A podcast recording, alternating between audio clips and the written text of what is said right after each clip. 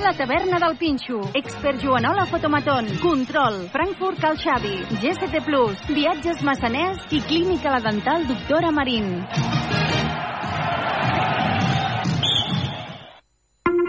Ràdio Manresa, 95.8 FM, 1539 on a mitja, cadena 100.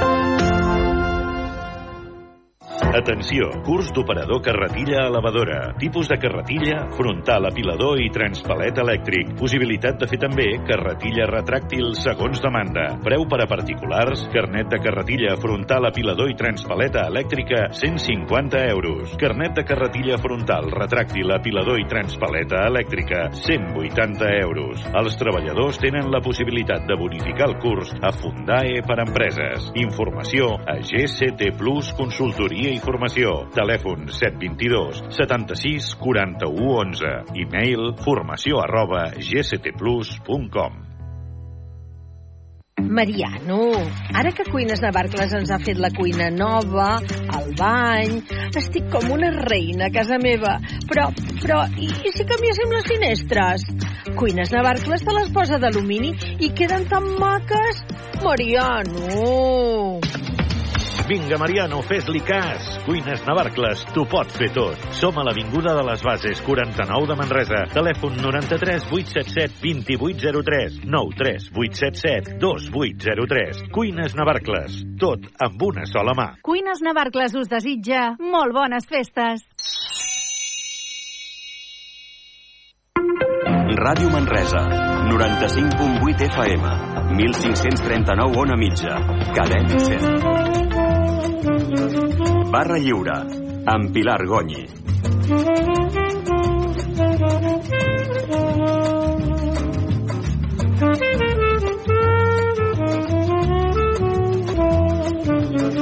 Barra Lliure, amb Pilar Gonyi. Molt bé. Sí, sí, el que passa és el que tu dius. Quan no ho saps... Si no cal conèixer... Benvinguts, benvinguts a aquesta tertúlia de dijous 14 de desembre, tertúlia 54 de la temporada. La futbolista Jennifer Hermoso ha estat escollida als 33 anys com la segona dona més influent del món aquest 2023, segons el diari Financial Times. L'actual jugadora del Pachuca femenil de Mèxic s'ha posicionat a la cimera de la llista de les 25 persones més influents del món que el mitjà publica cada any. Hermoso apareix al rànquing amb altres celebritats com Margot Robbie, Beyoncé, Coco Gauff o Ursula von der Leyen, gràcies a la decisió de la capitana de la selecció femenina de futbol d'Anglaterra, Lia Williamson. La defensa de l'Arsenal Women Club ha elegit Hermoso per ser tot el que esperes com a futbolista professional, segons ha declarat. Va ser titular a tots els partits, va marcar tres gols al llarg del torneig i va ser fonamental per l'èxit d'Espanya, que va guanyar la Copa per primera vegada, ha afegit. A més, Williamson ha destacat l'actitud de la jugadora de la selecció espanyola després del petó no consentit amb l'expresident de la Real Federació Espanyola de Futbol, Luis Rubiales, per fer el que sabia que era correcte, malgrat la pressió dels mitjans. Esperem que exemples com el d'Hermoso serveixin per destapar d'altres casos d'assetjament. Precisament ahir i avui la Universitat Autònoma de Barcelona i d'altres universitats, així com instituts, han engegat una vaga amb accessos tallats per denunciar els recents casos d'assetjament sexual per part de professors en els centres d'ensenyament tant secundari com universitari. Poder denunciar amb llibertat sense comprometre el nom per a no ser estigmatitzades en unes de les moltes reivindicacions que eh, porten a terme.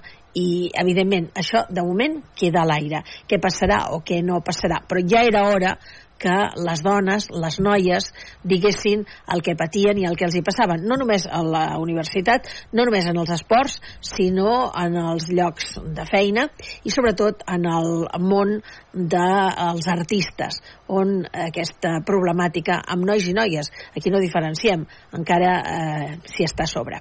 Obrim el nostre programa, obrim la barra lliure. Avui ens acompanya el doctor Armand Rutllan. Ell és especialista en medicina del treball i medicina familiar i comunitària a la Fundació Altaia i ha rebut fa uns dies el Premi a l'Excel·lència Professional premiat en la categoria d'Humanitats Mèdiques que atorga anualment el Col·legi Oficial de Metges de Barcelona. Benvingut, gràcies per acompanyar-nos, gràcies per ser aquí. Una llarga llista també de llibres eh, que, que ha escrit i els quals ha vingut a presentar també en aquesta tertúlia en diferents ocasions. Saludem a l'Antoni Julián, benvingut. Al Salvador Sibila, benvingut, i a la Roser Junyent, benvinguda. Roser Alegre. Ai, Roser Alegre. Uf, on estava jo ara? no estava en una altra galàxia. Estava en un altre lloc. Benvinguda, gràcies, gràcies per acompanyar-nos.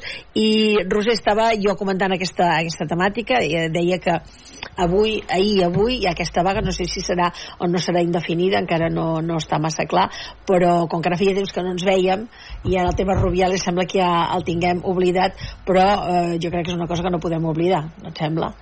No, de fet, no sé si era ahir que encara a la ràdio vaig sentir que en tornaven a parlar, eh, vull dir que també aprofiten no, per, per treure el cas de tant en tant, més que res per, per per posar en evidència no, la, la força que ha tingut a, a nivell mediàtic i a nivell uh, general.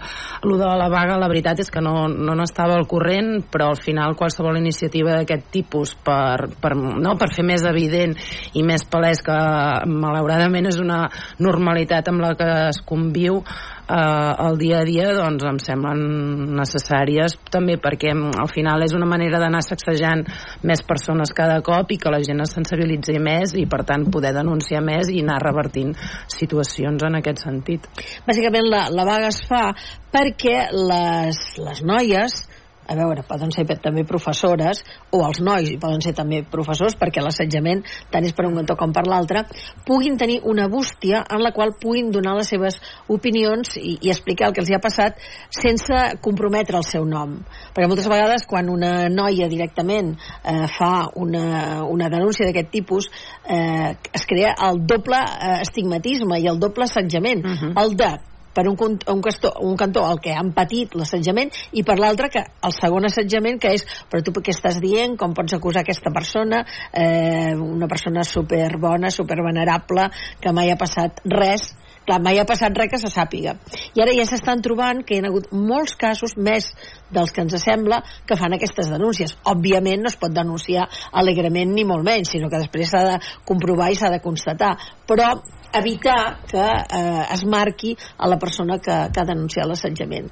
Clar, és que al final el que passa moltes vegades amb aquest tipus de denúncies no, és que potser no les acaben uh, fent moltes vegades perquè tenen, no, per la por aquesta, aquesta doble acusació, doble qüestionament, no, quan ja has de reconèixer uns fets que ja poden ser prou dolorosos o, o prou traumàtics al fet de, de, de viure-ho, doncs després denunciar-ho uh, públicament, doncs tornar-te a sentir qüestionada no? I, i jutjada per tothom que al final es creu amb, amb llibertat de poder opinar sobre la vida dels altres no? i suposo que depèn de quins càrrecs dins de, dels centres encara, encara aquest fet e, és més greu no? perquè si evidentment és, és, és, és, és és complicat per tothom i per les estudiants doncs, sentir-te qüestionades també, però a nivell de professorat suposo no? que també una mica entra en joc potser la teva plaça, no? el, el teu càrrec i per tant entenc que també és complicat i suposo que doncs d'aquesta manera, de forma més anònima mm. eh, és una eina, si més no per, per tenir comptabilitzat allò que passa i poder actuar després als centres, perquè entenc que la finalitat és aquesta, no? que es pugui actuar d'alguna manera, Exacte. si no... Mm.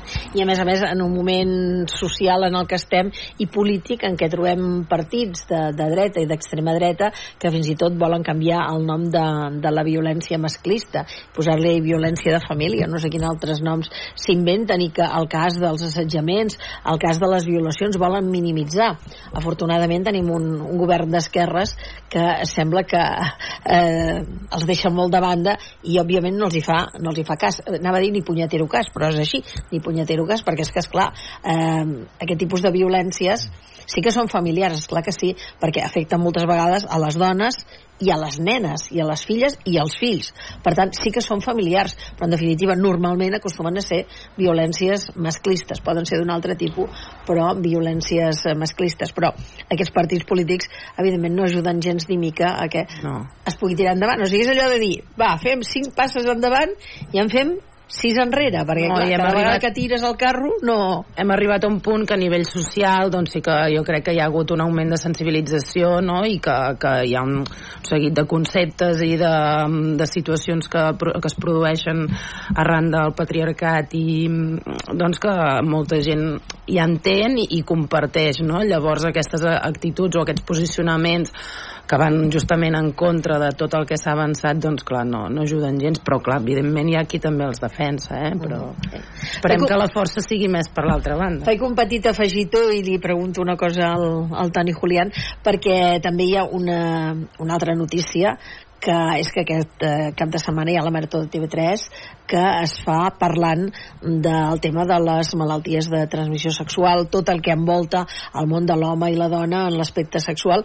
I hem fet una, una taula rodona que eh, es podrà veure justament eh, avui i que eh, metges del TAIA que comenten quan important ha estat que el govern espanyol des de l'1 de juny es, eh, es propiciés que les dones puguin tenir baixa laboral per una menstruació dolorosa. Això, fins al, al juny de l'any passat, això no va ser possible.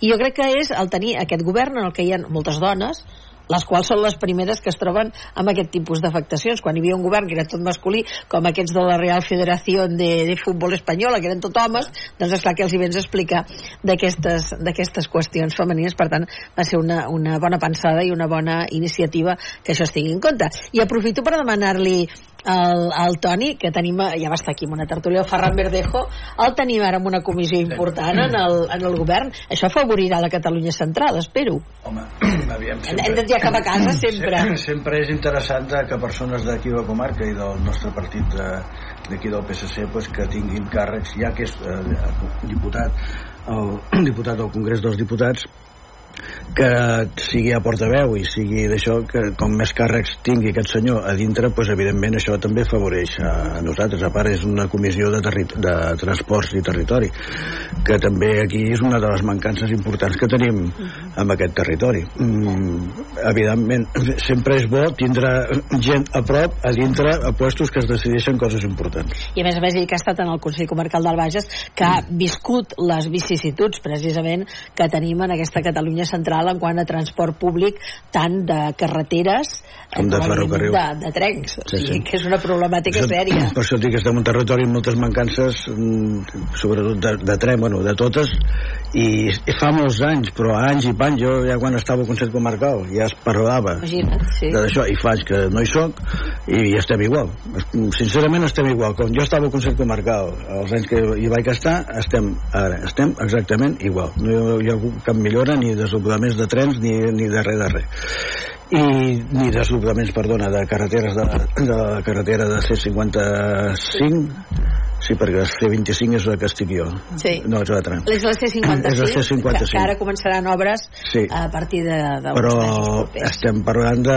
Aviam, jo estava al Consell Comarcal, vaig, ho vaig deixar el 2011. Imagina't, imagina't el temps que, que estem parlant, no? Sí, sí. I no hagut cap moviment, per això vull dir que sempre hi ha persones d'aquí que estan en comissions importants de transport i territori del govern central, pues, jo crec que és important. Tindrà cua de demanda, Bueno. crec jo.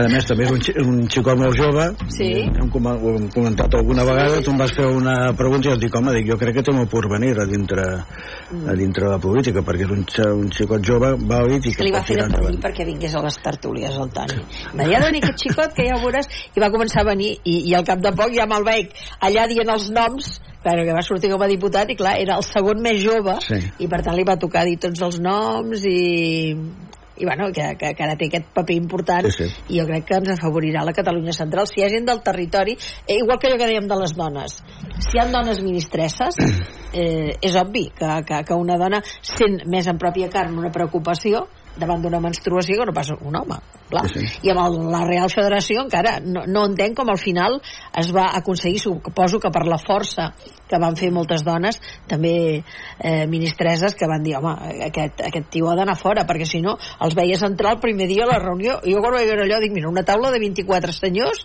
i a més a més tots deien home no n'hi ha per tant i deies, clar, per vosaltres Bueno, perquè no faltava, per tant. faltava aquesta sensibilitat femenina Exacte. que, diguéssim, digues com vulguis, hi ha molts pastos que encara falta i que no s'ha incorporat. Vull dir, això és, jo ho veig així. que a la Junta aquesta encara no hi ha dones per això, encara no hi ha Pues, posat. sincerament, ara no ho sé. No. No? Han de fer una transformació total i absoluta perquè de moment... És que s'han de fer moltes transformacions en aquest país de moltes coses. moltes coses. Eh? No a part del deport, sinó a part de, de sectors més importants que ens afecten, bueno, que ens afecten més directament a nosaltres, Eh, a però també, tots. també us diré una cosa, ara que hi ha tres homes i només som dues dones, eh, hem de ser molt pesades i molt insistents, o sigui, se'ns acaba dient pesades, perquè si no fóssim així, mm, moltes vegades, com que els homes tampoc no hi pensen, és normal, doncs eh, no sé si haguéssim arribat on hem arribat sense ser tan insistents i pesades. Jo estic convençuda que molts senyors que ara ens estan veient di eh, diuen, aquesta ja hi torna. doncs sí, aquesta ja hi torna, i no em cansaré jo, a més a més.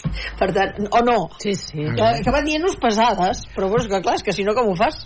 Bueno, i, i és potser mm, no, aquest costum de no deixar passar coses, no? Potser, perquè jo també en tot plegat, amb tot la- l'afer aquest uh, Rubiales i tal, al final també és la valentia de la persona amb, amb qui si, que es troba en aquesta situació d'aguantar la pressió i de donar la cara, perquè al final va ser un fet uh, que algú pot considerar més o menys greu, potser no és tant a l'hora de jutjar, però sí que demostra un comportament, unes dinàmiques de poder, de relació, no? i per tant que ella es mostrés inflexible amb això i tot el suport que va tenir darrere, vull dir que crec que és un exemple com molt positiu i la força que ha tingut crec que també està demostrant, no? I, Que sí. Salvador, ja és Nadal a Sallent o què? O què? Sí, és Nadal a Sallent. Nadal, sí, sí, sí, ja fa dies que, que, que, que ja hi som a Sallent al Nadal, sí, sí, hi ha els carrers guarnits, està tot molt maco, vull dir, sí, sí, ja ho tenim tot a punt, vull dir, va baixar el tió, vull dir... Tenen pastorets. Exacte, també. no, pastorets no. No. Pastorets no en fan, ja fa molts anys que no se'n fan a Sallent de pastorets. Hi ha un grup de teatre, però vull dir, els pastorets s'han deixat una mica de banda. Oh, Pastorets o Seva Súria. a Súria, sí, Pastorets, sí, senyor. el típic Sí, de. Súria i, bueno, i aquí a Manresa també, vull dir. Sí, sí. Però Sallent s'han perdut bastant. Però bueno, Mira, demà tenim. ja parlem dels pastorets de Calaf, en aquí. Ah, que també són dels més també tradicionals. Més, dels més nombrosos. Sí, Faig, sí. faig una pinzellada, ja que estem en tema de d'emergència climàtica total i absoluta.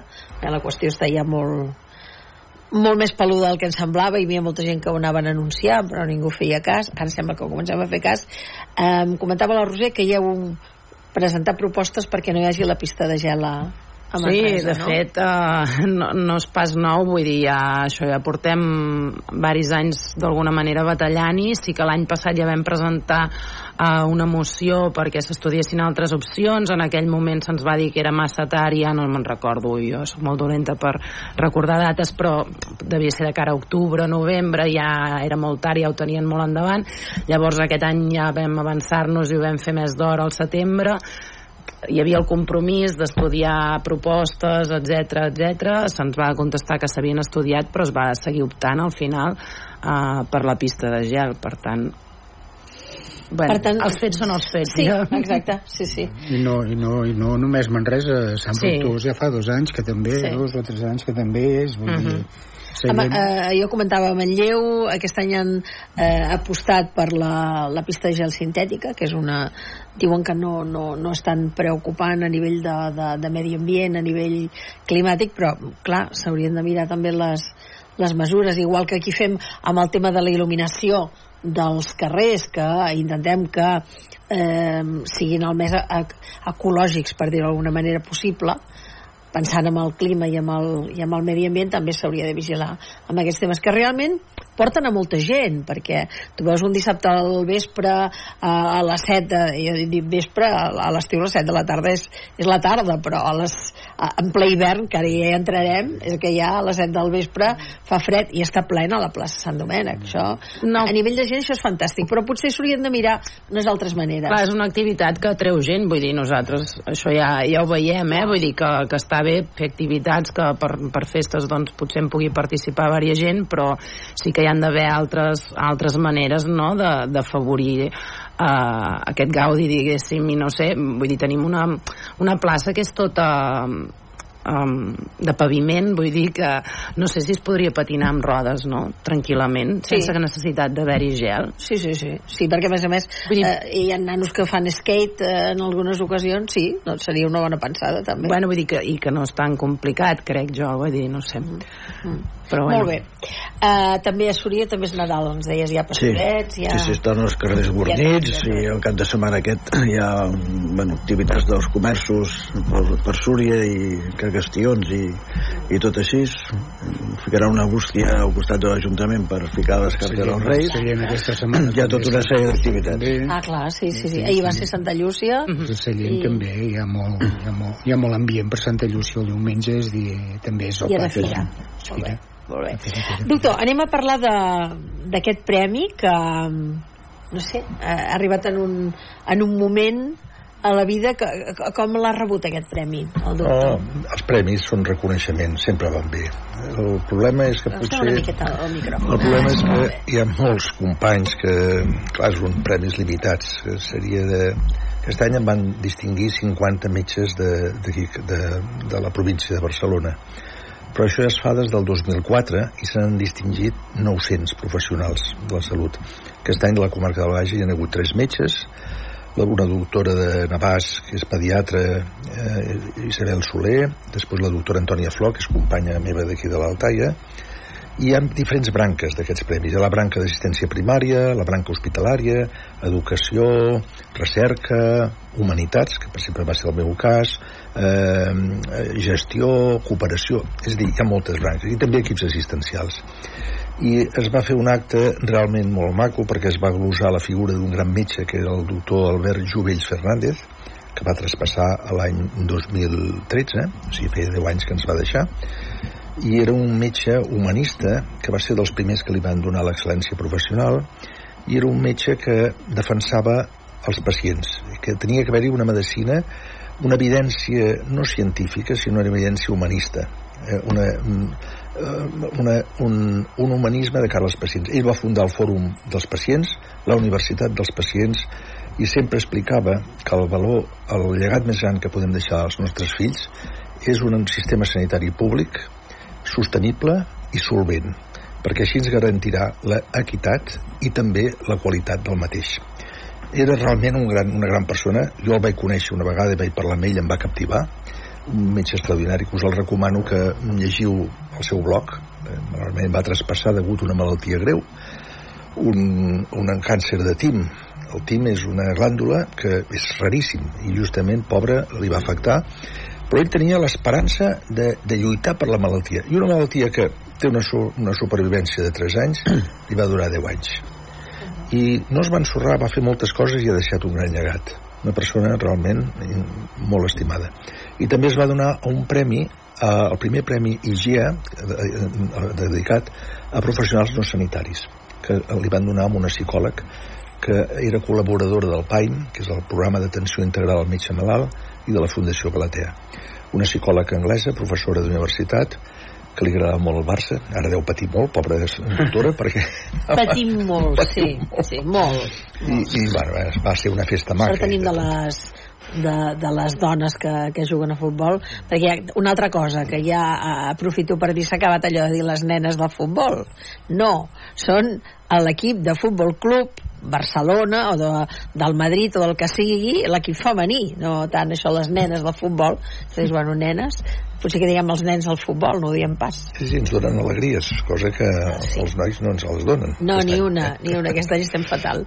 Um, ha apuntat un tema molt interessant perquè, home, podem dir que estem en un país que la seguretat eh, social i el sistema sanitari públic, amb els seus més i els seus menys, i gràcies al desaparegut Ernest Lluc, que va ser qui ho va posar sobre la taula, podem dir que tenim, no sé, tu, Toni, no sé què penses, però jo crec que tenim un bon sistema públic, no? Jo crec que tenim el millor sistema públic, d'almenys dels que conec jo. Vull dir, perquè, no sé si vas comparant amb aquí a Europa, o també, ja, si passem a l'altra banda de Estats Units, és fatal. Vull dir, el sistema públic d'aquí jo crec que és, mm, està molt ben muntat i està molt ben eh, gestionat. I gràcies a Déu tenim aquest sistema públic. Vull dir, la prova està que, si no m'equivoco, em sembla que ve gent estrangera a fer servir el nostre sistema públic. No? Massa gent de fora. Vull dir, això vol dir que les coses d'aquí es fan bé i els professionals d'aquí són bons i, reconeixem, i són reconeguts.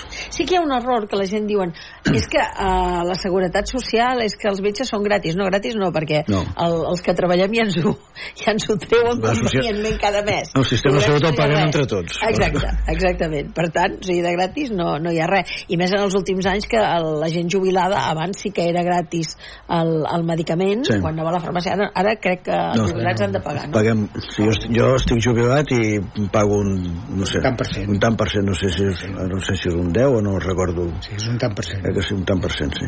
Pa, Vosaltres, els que sou professionals de la medicina, n'esteu contents d'aquest sistema? Perquè a vegades us queixeu. No, no estem contents, no estem gens contents. Ara mateix hi ha hagut una vaga d'infermeria, Mhm, eh, sí. que, que tenen tota la raó, perquè tenim un sistema de gestió que no, no posa el professional a, a, al mig. Eh? La, eh, ara comentàvem amb el Salvador de que es jubilaran 7.000 professionals a tot Catalunya. No hi ha hagut previsió. Per un cantó, fan barreres al poder eh, entrar a la facultat de Medicina i per l'altre es troben amb un gran problema perquè no hi ha facultatius. Llavors, la solució, doncs, buscar-los de fora, que no és el mateix. S'ha fet malament. I la, el, realment el, el professional està maltractat. Abans era impensable que es volguessin jubilar els professionals, perquè tots... Ara hi ha el, professional cremat, el, el, el burnout, professionals sobrecarregats, sobre, eh, sobre demanda i mal remunerats, diguem-ho tot, també. Aquesta és la realitat. Comparativament amb Europa estem a baix de tot. Potser Grècia encara estan pitjor, no ho sé, però estem a baix de tot. Eh? És un problema realment important, aquest nostre. Però bueno, tot s'arregla la vida. No? I, hi ha solucions per això? O, o Bueno, no? és posar el sistema sanitari, donar-li un altre enfocament. No es poden fer mètriques de salut com si fossin... Hi ha persones, la relació pacient... És a dir, has de fer eh, 10 visites eh, en una hora. Igual, amb un pacient o dos necessita que estiguis més temps. Per què aquestes mètriques, no? Per exemple, això. La manera d'enfocar, doncs, el, el, el, voler treure diners de, de, de la salut, eh, amb els professionals.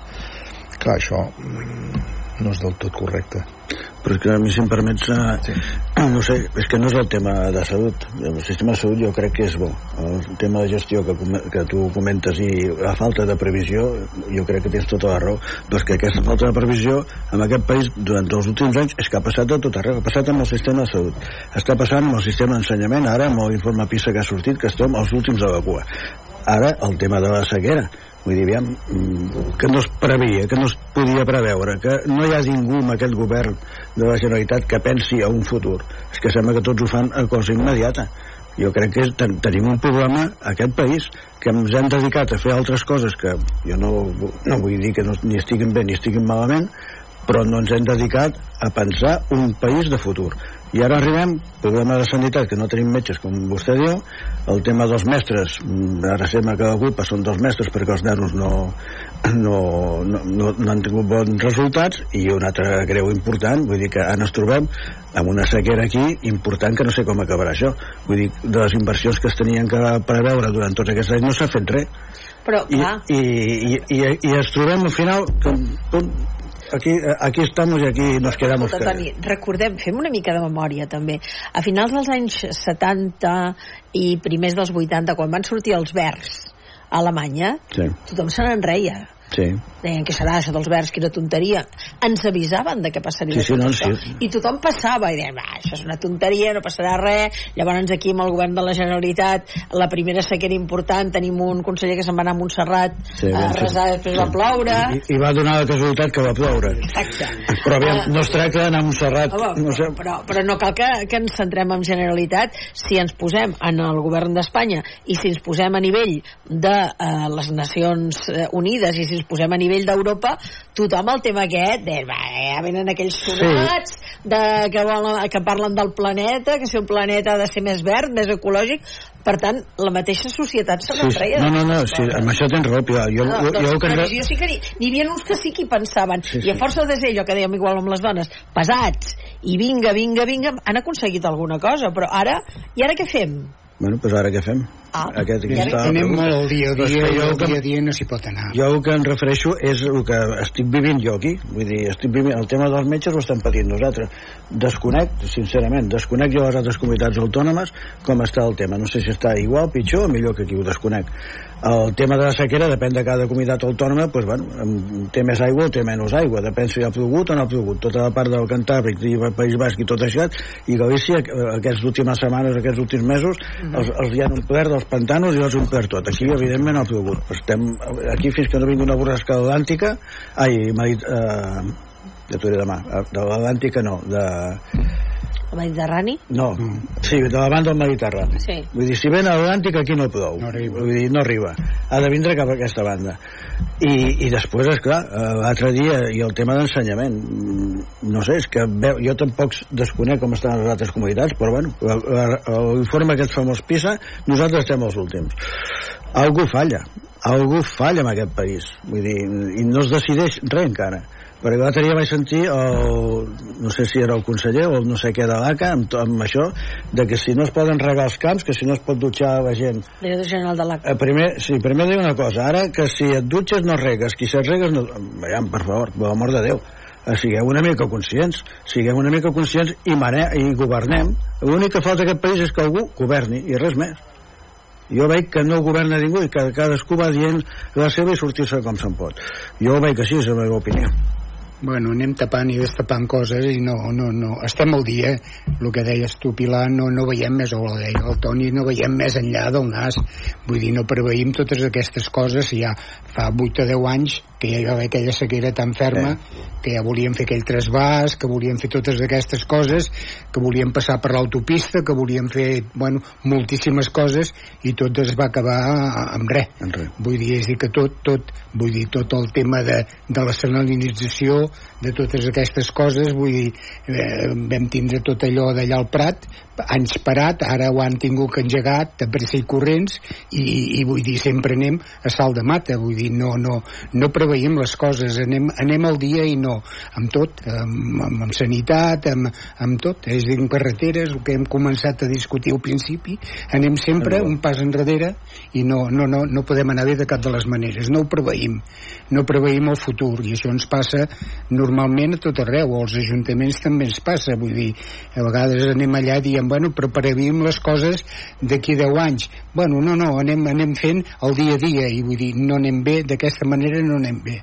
Jo trobo que, que és així, vull dir, no ho sé Bueno, una mica la sensació en general no, de, de falta de projecte, no? potser moltes vegades i que, vull dir que és extrapolable no? a nivell d'Ajuntament de, de país i al final no, eh, els qui els hi toca decidir quan canvia la persona, com que no hi ha projecte darrere, no? a lo millor pren una altra decisió i anem creant, descreant i, i una mica sensació de caos, no? Em sembla que vau publicar justament un reportatge de, de Canal Taronja que vaig veure parlant sobre les pistes de gel, no? Que el conseller deia una cosa, però a nivell d'alcaldia se'n deia una altra, és com, home, um, que no sé si un ho feia per justificar-se a posteriori o realment ja volien desaconsellar les pistes de gel, doncs, home, com a país potser tocava fer-ho, no? I anar tots a la una i que després uh, no? tothom també es senti com més recolzat. I tornant al tema sanitari, a mi el que em preocupa, vull dir, evidentment tenim en general potser un bon sistema de salut pública no? I, i,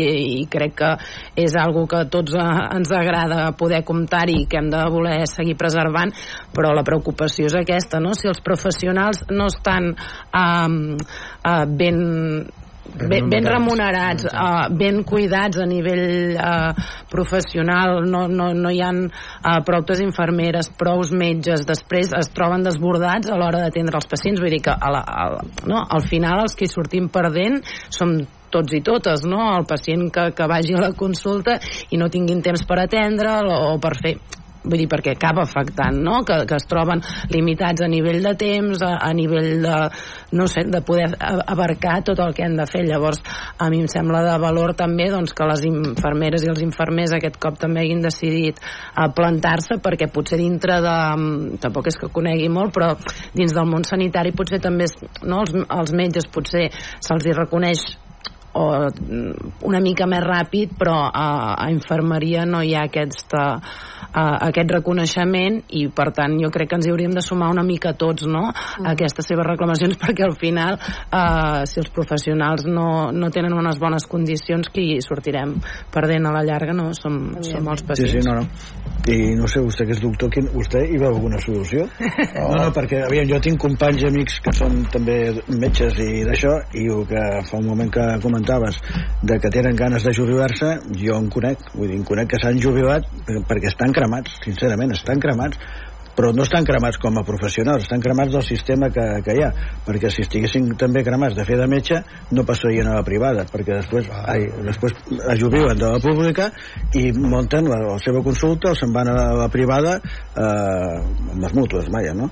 Sí, sí, sí. I és dir, que ells com a professionals tenen ganes de continuar però de la sanitat de la sanitat pública pleguen. M'agradaria saber oh. quines, solució, o quines solucions vostè hi veu. Oh, jo crec que s'ha de posar al centre de tot el professional sanitari, l'infermera, perquè no només és l'infermera i el metge, sinó tot l'equip aquest assistencial, no? des de la porta lliteres fins a, a, a tota la gent. I la història és la següent, perquè un 40% dels professionals estan en burnout, estan cremats. Eh? Per què? Doncs perquè tenen una sobrecàrrega brutal, perquè no els cobreixen, perquè realment van, no, no s'improvisa tot el que deia Salvador, es va improvisant tot. No hi ha una política de previsió, dir, oi, s'han de jubilar eh, X anys, anem a, a fer ja un sistema. No, no, al contrari, posen traves als estudiants que volen accedir a medicina, s'hi posen traves. I després hem de buscar mm, gent de fora. Gent de fora. Sap greu dir-ho, però és així. Aquesta és la realitat.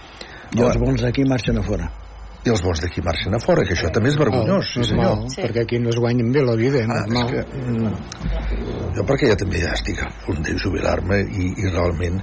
Ara, la pregunta és, potser teníem que haver lluitat més, tots nosaltres, eh, i teníem que haver... Això a Israel van fer una vaga salvatge i es va acabar ràpid.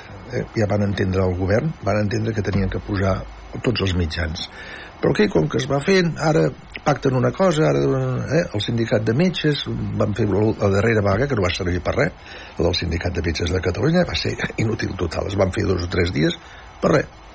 Dius, quines millores hem tingut amb aquesta vaga? No, no, res, res. Tot estava cobert, van treure els dies que et vas fer de vaga als, als treballadors i no ha servit de res. I així contínuament, no? I aquesta vaga d'infermeria probablement també quedarà en mm. no res. Eh? O sigui que no hi ha una però ja ve d'enrere, perquè al temps de la pandèmia hi ha tot el tema d'enfermeries i tot el tema, tothom es queixava, les enfermeres es queixaven que doblaven, doblaven i triplicaven els dies i, i vull dir que no, és dir, el que hem estat discutint abans, vull dir, ja, ja era per anar-hi ficant la mà i anar-hi ficant el, el granet de sorra per poder solucionar totes aquestes coses. Però, oita, ha passat la pandèmia, ha passat, fiquem una mica de pedaç, si n'agafem mil o dues mil més, però oita, ara 100.000 metges, que vull dir, aniran al carrer l'any que ve, i no hi ha previsió de que hi hagi un substitut, és dir, que si ara anem una miqueta malament amb el tema sanitari encara hi anirem Tant més, si ara anem malament perquè ens operin o perquè d'allò i estem un any, encara hi anirem més enredarits, perquè no, no ho tenen previst. El problema és que anem a salt de mata i no preveïm les coses a llarg plaç. Jo em penso que això ens passa amb enfermeria, amb carreteres amb tot, amb tot, amb tot El que passa que també cal dir que la gent com som d'incoherents, perquè durant la pandèmia aplaudíem els metges i a les infermeres i sortíem als balcons. I ara quan veiem llistes d'espera ens queixem dels metges i les infermeres. Però I també fent-ho mirar, eh, com a societat. I per la pandèmia sí que es doblaven i es triplicaven torns, però jo crec que a veure, en 48 hores es va posar tot a funcionar, però gràcies a que metges i infermeres amb una dedicació Ara, professional ara. total i absoluta i a primera línia de trinxera que et podia passar absolutament de, de tot. O sigui que no es pot dir que els metges i les infermeres no, i camillers i tota Sí, sí, aquesta tot- gent no vulguin treballar o que no tinguin vocació. Era el sistema que fallava. Exacte. És el I, sistema i jo, que falla. jo em faig una pregunta, no sé si d'això. Els últims governs, que estem parlant d'aquí de la Generalitat, eh? vull dir, ja que estem aquí, jo vull parlar del meu país. Els últims governs que han tingut de la Generalitat, tot això no ha deixat una mica de banda perquè tot el sistema públic vagi més cap al privat? Si fos Seria molt perquè seria molt- eh? No, no, no, no. Aviam, jo tinc una mútua, jo em pago una mútua, que cada vegada, aviam, eh, pago més, les coses com siguin, no? Eh, les últimes operacions que m'he fet de genoll i així he anat per mútua, m'he operat mm, ràpid, bé, tranquil·lament i cap problema, pagant una mútua. Bueno, pagant jo la meva mensualitat i d'això. Jo veig gent que, té, que també està en tema d'espera per temes de pròtesis o d'això i té mesos i mesos d'espera. La meva pregunta és si els governs haguessin apostat més per la sanitat pública eh, i no haguessin potser deixat de banda potser ara aquesta sanitat privada, que també és bona, perquè bàsicament és la mateixa, perquè els metges que estan a la privada estan a la pública, vull dir, no, no ens enganyem. No tindria... Um, no, no tindria tan força o no tindria tanta demanda com té ara? Jo aquesta és la pregunta que em faig. Vull dir, no sé, ja t'ho dic, jo estic pagant una mútua i les últimes operacions, tant jo de la meva parella, hem anat per mútua per les causes que siguin, bueno, per causes que siguin no, perquè tenim una necessitat i a la sanitat pública era un temps d'espera i aquí m'ho han fet un moment. Jo aquesta és la pregunta que em faig. Vull dir, no sé si d'això, vull dir, potser que sí que tenim que defensar i, i apostar més i ficar, sobretot, més recursos, més recursos, perquè el tema està que si no hi ha recursos no pots contractar més personal, no pots millorar les condicions salarials per- del personal que treballa a la sanitat i, i una mica no pensar tant en la privada. Sí. No t'ho sé dir perquè jo sempre he anat a la, a la sanitat pública i m'he sentit ben atesa, ben tractada, no hi he tingut mai cap tipus de, de problema, però sí que és cert No, no, que hi ha... sí, priva- sí, aviam, jo també faig servir la sanitat pública que sí que i, no tinc, que i no tinc cap amb les, problema. amb les llistes d'espera. Això sí que és la, la, la gran problemàtica que, que hi ha i que patim i que quan tu vas i tens una mica de relació amb el metge de capçalera, que és amb el que tens més proximitat, o amb algun metge especialista que coneixes, tu verbalitza el que, Sí. el que deia el doctor, que n'estan tips i que compten els dies per plegar. Però això és el que et dic, si haguessin ficat més recursos des del govern, i vull dir recursos, vull dir recursos econòmics, vull dir millorar les condicions dels metges i de les infermeres, i no arribar a aquest moment que si marxen 100.000 doctor, eh, professionals de la sanitat no hi ha recanvi, si tot això es hagués pregut amb més diners a dintre de la sanitat pública, potser aquestes llistes d'espera no estaríem parlant de No, i que, mesos. ho dèieu abans, és el peix que es mossega la cua, perquè llavors aquí tenim metges de, de fora, que benvinguts siguin, perquè, clar, venen a, a buscar feina, venen a treballar, però la gent que surt de les facultats, aquests n'ha d'anar fora, ha de marxar, perquè aquí no, no, no, no troba lloc on anar a treballar. Clar, això és un problemón Sí, sí. que tenim sobre la taula que suposo que el govern, doncs, d'alguna manera s'ho deu plantejar. Vosaltres, quan teniu reunions amb el Col·legi de Metges, parleu d'aquests temes? Clar, és un tema preocupant, sobretot el burnout, no? el, el metge cremat. La, la, un 40% és molt, eh, de professionals que És tenen moltíssim. aquestes... No, molt, molt, o sigui, no és una cosa que afecti a un petit col·lectiu, no, no, és una cosa que està mm, bastant globalitzada eh, dins de la professió i és un tema preocupant. I aquesta doctora, la psicòloga aquesta, de, que li van donar el Premi IGEA, és experta en, en aquests temes de, i estava vinculada al Col·legi de Metges a la Fundació Galatea que cuida el metge malalt i tenen molta feina perquè cada cop hi ha més metges que cauen malaltits per tota aquesta pressió assistencial, de sobrecàrrega t'emportes la, la, la feina eh, i, el, i el cap no, ni descanses i tens i caus malalt eh? i llavors són malalties molt greus i no és un, dos, no, són molts eh? llavors aleshores dius home, doncs aquí tenim un problema de mala gestió, de planificació el professional no s'ha tractat bé, eh, infermeria igual, infermeria, bueno, primera que hi ha una manca de professionals tremend, no se'n troben, d'infermeres, i no estan ben, no tenen les condicions idònies, estan mal remunerades, molta pressió, i el Covid ens va acabar de rematar, perquè sobre la pandèmia eh, de Covid, que això va ser brutal, el que es va patir aquí amb el Covid, ja ho saps tu, Pilar, sí, sí. va ser terrible. Amb el que dèieu d'infermers, infermeres i metges, però sobretot infermers i infermeres, també hi va haver-hi una denúncia de que eren agredits per als pacients. Això és... Això, això és molt fort, sí, sí, sí, sí.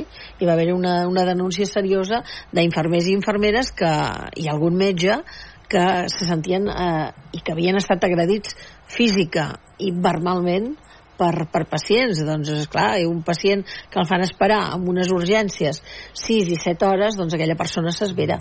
Bueno. Normal.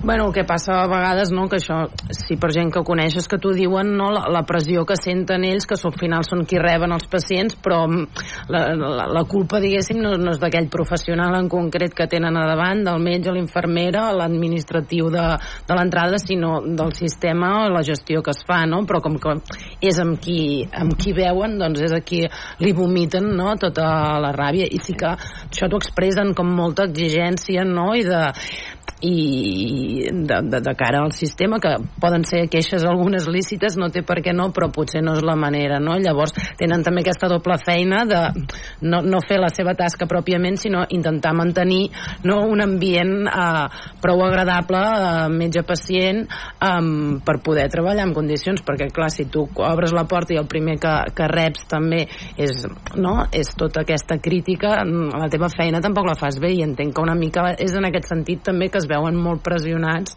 eh, dia a dia eh, per tot el que reben de, de qui els visita. Uh -huh. Jo abans que s'acabi el temps us vull fer una pregunta sí. al doctor. Sí, perquè vull que parli una miqueta de tots els llibres que, que ha escrit no, no, i també... No, no, sí. no, digues, digues. No, no, em sembla que és el director de, de l'Arxiu Històric de les Ciències de la Salut de Simeó Ceuda, no? Vicepresident. Hi ha el president que és el doctor Guerrero i jo estic al seu costat. M'agradaria saber, aquest arxiu em sembla que només està aquí a... Tot Espanya és l'únic és l'únic que hi ha, no? Que hi ha. Jo, aviam, m'he assabentat així, sí. sabia que venia a vostè aquí d'això i aquest arxiu exactament de què és? Perquè ho desconnecto totalment. Pues mira, eh, aquest arxiu neix amb el doctor Selga de la seva biblioteca i a partir de la seva biblioteca tots els metges que traspassaven que no sabien què fer-ne d'aquells llibres els hem anat recollint i tenim quasi al voltant de 50.000 50.000 llibres? Més de 40.000 Ara hem tingut un problema amb la bibliotecària per indexar-los, però tenim molts llibres. Ja no els tenim dipositats aquí, sinó tenim una nau eh, a Artés per dipositar-los. Tenim tots classificats. Però a nivell de l'Estat no, som els únics. I això està vinculat al Col·legi de Metges, eh, aquest uh -huh. arxiu. I tots els estudiants que volen fer consultes, que volen algun tema, tenim la relació de llibres.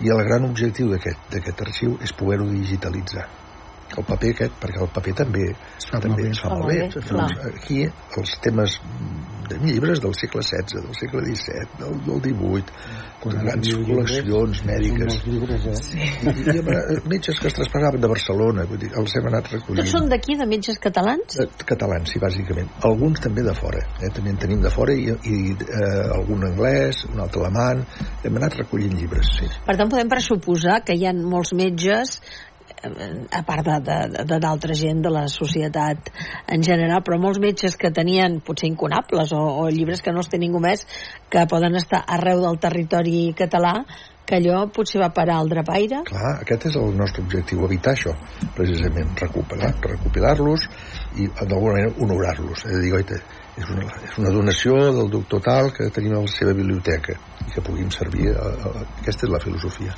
I els teniu ben conservats o sí. com els teniu? El que no, el que ja tenim tant volum que el que no fem les, les, els duplicats aquests ja els eliminem. No, no, no tenim duplicats. Vam fer una campanya que em vam donar també amb la, la Sor Lucía també em sembla sí. que vam donar a, sí. a, a través del Rotary Club amb el doctor o, Garriga sí. exactament bueno, doncs aquesta és la, la filosofia d'aquesta que no es perdessin llibres que no es llencessin a, a, la, a la brosa de dir, ostres, és que té un valor i aquesta és la idea I físicament està dintre del tall o... no, dintre del col·legi de metges nosaltres depenem del col·legi de metges el que passa que és un volum tan gran que s'ensorraria si anem posant llibres i llibres ja, ja, ja no És que és Llavors una, una gran biblioteca, això, eh? Mare de Déu, Sí, i sí, tant, sí. i tant. i som únics, eh? no, no hi ha cap altre Això s'ha de posar més en valor. Sí, que jo m'he assabentat i per això aprofitant que avui agraeixo. el, el teníem aquí, deixa'm preguntar-ho perquè ni sabíeu què fèieu ni... No, ni no, no, no, ho heu, ho heu de posar en valor i s'ha d'explicar Sí, sí, perquè- i s'ha de donar a conèixer sobretot els, estudiants, que són qui se'n poden beneficiar d'aconseguir llegir aquests llibres, I perquè alguns no deuen estar enlloc més, deuen ser són llibres únics. Únics, sí, realment. Tenim molta de, de tot, eh? I no només de medicina, també de ciències de la salut. El tenim de veterinari, el doctor Cornet ens va, ens va, ens va fer una donació també de llibres, el seu germà també, eh, de farmàcia també en tenim, i de veterinària, tenim de diferents branques de la salut. Uh -huh. eh, dèiem que el doctor Rotllan ha escrit 11 llibres, si no vaig errada, 15. Sí. Hi ha uns quants més. I eh, tots ells eh, parlen de diferents aspectes de la, la medicina. Alguns eh, focalitzats en persones, d'altres eh, persones, sobretot metges, Sí. i d'altres focalitzats en eh, personatges com Sant Ignasi, Sí. i d'altres amb malalties com el tifus, per exemple, en Correcte. el seu moment. Eh, I ara cap on va el doctor Rotllan? Què està escrivint? No, seguim amb biografies de... És que tenim, hi ha tanta, tanta recerca a fer i, i tan pocs mitjans que realment les administracions públiques no ajuden a la recerca en general, en cap recerca. Eh? Que si la sanitat està malament, la cultura, La cultura ja, ja, és, és la que està... És que toquem el que toquem. Ara la cultura, ara el govern de la Generalitat donarà un tant per cent una mica més més elevat, però, però ben poc. Però abans no hi arribem a on tinguem que arribar, no, no, no, no. No, no, no. Digui, digui. No, que realment que, que queda molt per fer. Per exemple, la, la medicina, les metgesses manresanes, que aquest seria un tema també Ah, molt interessant. ah, doncs sí, eh? Les metgesses sí. manresanes, perquè la professió mèdica nostra era masculina, eh? masculinitzada totalment. Sí. Quan comencen a aparèixer les primeres dones especialistes, això comptades, eh? I, i fer aquesta recerca, però clar, tot això vol temps, vol temps, i a vegades ens falta el temps però tenim molts objectius per exemple el naixement de les especialitats biografies de metges importants com el metge del president Macià que, que ara hi estic treballant un metge que és manresà que va estar eh, a la guerra civil eh, en un hospital eh, i, i a primera línia eh, que té unes memòries importants persones que estan oblidades que puguem recuperar-les i, i que no quedin a, a l'oblit no? aquesta és la, la, una mica la missió nostra I quan, quan comença tot aquest moviment de les dones de les dones metgesses aquí a casa nostra? Sí, mira, la primera dona metgessa que va venir aquí a Manresa va ser la doctora Bové, Montserrat Bové. I no era manresana? No era manresana. Venia perquè eh, venien els especialistes, comencen als hotels. Els hotels llogaven una habitació i començaven les especialitats. Aquesta, aquesta senyora era pediatra, comença amb la pediatria, malalties de la dona. I estava casada amb un oftalmòleg. Aquesta és una. La doctora Salvans és una altra, que també és molt important, que estava a Sant Joan de Déu i llavors es va especialitzar en ginecologia i va arribar molt lluny. I tampoc era manresana? Aquesta sí que és manresana. I la doctora, que ja també vaig parlar, la Paquita Espinel, que Sí. vam presentar, la dona del Tomàs Ramon Amat, un altre metge, que va ser la primera dentista a Manresa que ser dentista aquell temps i dona no ho devia tenir gaire fàcil eh? perquè també dificultats dobles després ja van anar venint es van anar estenent l'especialització però comptades eh? O sigui que realment és, és un goig ara veure que estem equiparats no? que tant els homes com les dones estan més o menys un 50 Pel que, tinc, més, potser, pel que eh? tinc entès, per exemple, en el camp de, de la ginecologia i l'obstetrícia, en concret aquí a la zona de la Catalunya Central, actualment hi ha més dones que homes, per exemple. No sé si en, en general en el gremi mèdic hi ha més dones que homes. Sí, sobretot Sí? en certes especialitats. Aquesta és una, la, la ginecologia. Hi ha especialitats que són, ens guanyen, però l'equivalència podríem dir que hi ha encara sobre un 60% de dones i un 40% d'homes. Ha augmentat molt eh, l'especialització femenina de doctores. Ara fa poc ha sortit eh, una, una vida, podríem dir-ne, novel·lada, de les primeres dones que van haver-hi a Europa veterinàries que també ho van tenir complicat i difícil perquè que una dona, eh, sobretot en el món rural, perquè una cosa és cuidar de, de, de gossos i gats i una altra és que en el món rural anés al parc d'una euga o que doncs, eh, fos ella la que, la que tractés els animals en un món de pagesia encara es veia més estrany, més difícil i més, més complicat. Per tant, també és un, un camp el de les veterinàries, ara que parlàvem de llibres de veterinària, que també les dones ho han tingut Molt terriblement difícil, sí. complicat. Eh? Sí, sí, bueno, jo crec que és més o menys la normalització que hem de- d'arribar, perquè en el sector d'enfermeria, anys enrere, també tot eren dones. Ara el sector d'enfermeria ja comença, bueno, ja hi ha bastants homes, vull dir, i anys enrere era impensable veure un enfermer que t'atengués a algun hospital. Però igual que amb, el, amb el món de l'educació era molt normal que veiessis amb els nens petits, P2, P3, Sí. P4, dones i que no hi haguessin pràcticament homes. I ara ja hi ha una eh, una escletja de que els homes també han entrat Sí, en sí. aquesta professió vull dir que a vegades també n'hi ha per un cantó i n'hi ha, i ha per un altre jo crec que el, el, el llibre aquest de tractar de, del paper de les dones en la medicina jo crec que és importantíssim no sé si durant la guerra civil m'imagino aquestes dones deurien ser les que exercien la medicina perquè els homes estaven de metges al front Van salvar realment la, la, la societat civil, van aixecar el país. mm -hmm. Realment va ser molt important la feina que van fer. I, bueno, una guerra civil que més ens va portar que, que patiments, misèries Desgràcies, i desgràcies. sí, efectivament. És la, per tant el premi rebut amb alegria amb il·lusió m'imagino amb molta alegria i il·lusió i vaig estar a punt de no poder-lo anar a recollir perquè em van, em van operar d'una catarata dos dies abans que gràcies a Déu va anar tot bé però sempre queda ai, a veure si no hi poder anar no, i al final vam poder, hi vam poder anar i que ser reconegut per la professió és el més important que hi pot haver sí, és important realment és, Sí, que, és que els teus mateixos et reconeguin reconeguin. és el màxim. Ja, Sí, sí, sí, és la pura veritat. Doctor, moltes gràcies per ser avui a la tertúlia. Gràcies, Toni, gràcies, Roser, gràcies, Salvador, que tingueu molt bones festes de Nadal, Igualment, perquè suposo que abans no ens veurem. I sí, sí, nosaltres també entrem ja en el període de parlar de temes nadalencs. I, per exemple, demà doncs, tindrem a l'Eloi Fonoll que ens vindrà a parlar dels pastorets de Calaf, uns pastorets centenaris, també ho són els de Súria, evidentment, i els de Manresa, però és aquesta tradició que també en època de postguerra va aguantar el català en certa, en certa manera i les costums i les tradicions de casa nostra. Moltes gràcies, bones festes, i a tots vosaltres, no us dic encara bones festes, perquè demà espero que ens retrobem aquí a les tertúlies. Adéu-siau.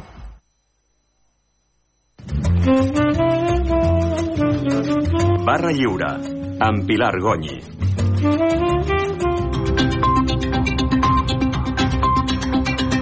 Son las dos, la una en Canarias. Canarias. Hora 14. En la SER.